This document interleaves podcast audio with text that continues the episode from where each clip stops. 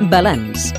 L'economia internacional a Catalunya Informació amb Quim Olivares. Per desencallar un nou tram del rescat internacional, el Parlament de Grècia ha aprovat noves mesures d'ajustament que per primera vegada suposen l'acomiadament de funcionaris. Χρήστος. Ναι. Νομός Αττικής. Φωτίου Θεανό.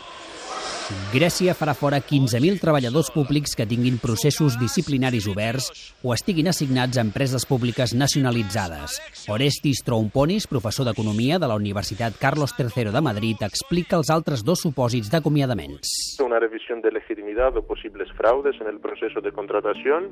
Habrá dimisión de que no están de acuerdo con una nueva plaza, por ejemplo, asignada, o sea, dimisión de que no están de acuerdo con la plaza asignada o funciones asignadas, cobrando una liquidación o jubilándose con algunos años de anticipación o algo entre medio. Πώς να πω πως δεν σ' αγάπησα ποτέ Πώς έχω Tot plegat forma part d'un pla de reestructuració de l'administració pública grega que afectarà almenys 25.000 funcionaris més. El plan de reestructuración se basa más en la movilidad de los funcionarios que ya trabajan.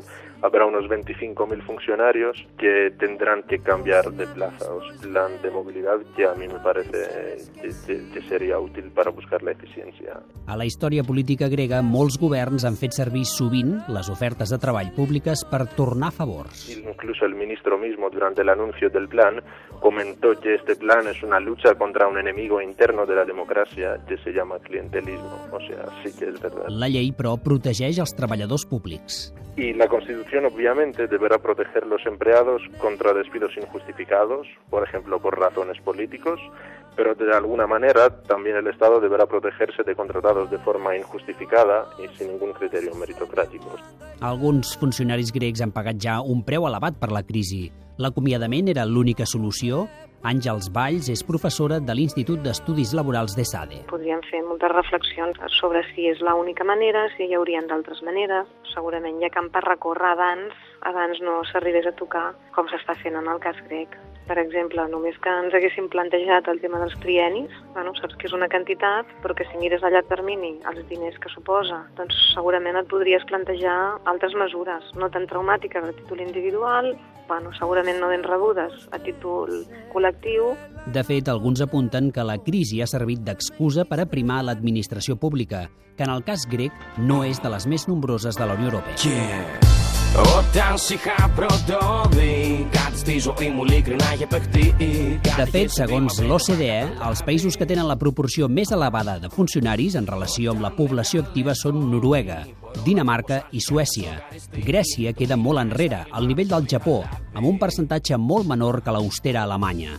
Tot i això, alguns admeten que els treballadors públics grecs tenen millors condicions que la resta d'empleats. En general hay mucho la percepción que falta mucha eficiencia y que hay muchos que no trabajan lo suficiente, pero no me gustan las generalizaciones. Eh, hay gente que trabaja muchísimo, obviamente. Sí que es verdad que el salario medio en el sector público en Grecia es mucho más elevado comparado con el sector privado que en la eurozona.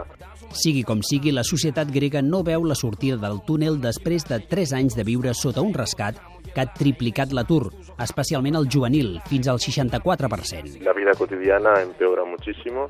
El paro cada día eh, aumenta, el paro juvenil también. Si las medidas tendrán éxito o no se verá a largo plazo, pero a corto plazo ahora el gobierno debería urgentemente proteger las clases más frágiles y crear una red de protección antes que la sociedad y la política deterioren aún más. Η μοίρα μας μας έφερε στο ίδιο τραπέζι. Και κι ακριβώς κατάλαβα μαζί σου τι παίζει. Μπορώ να πω γλυκά σε είχα ερωτευτεί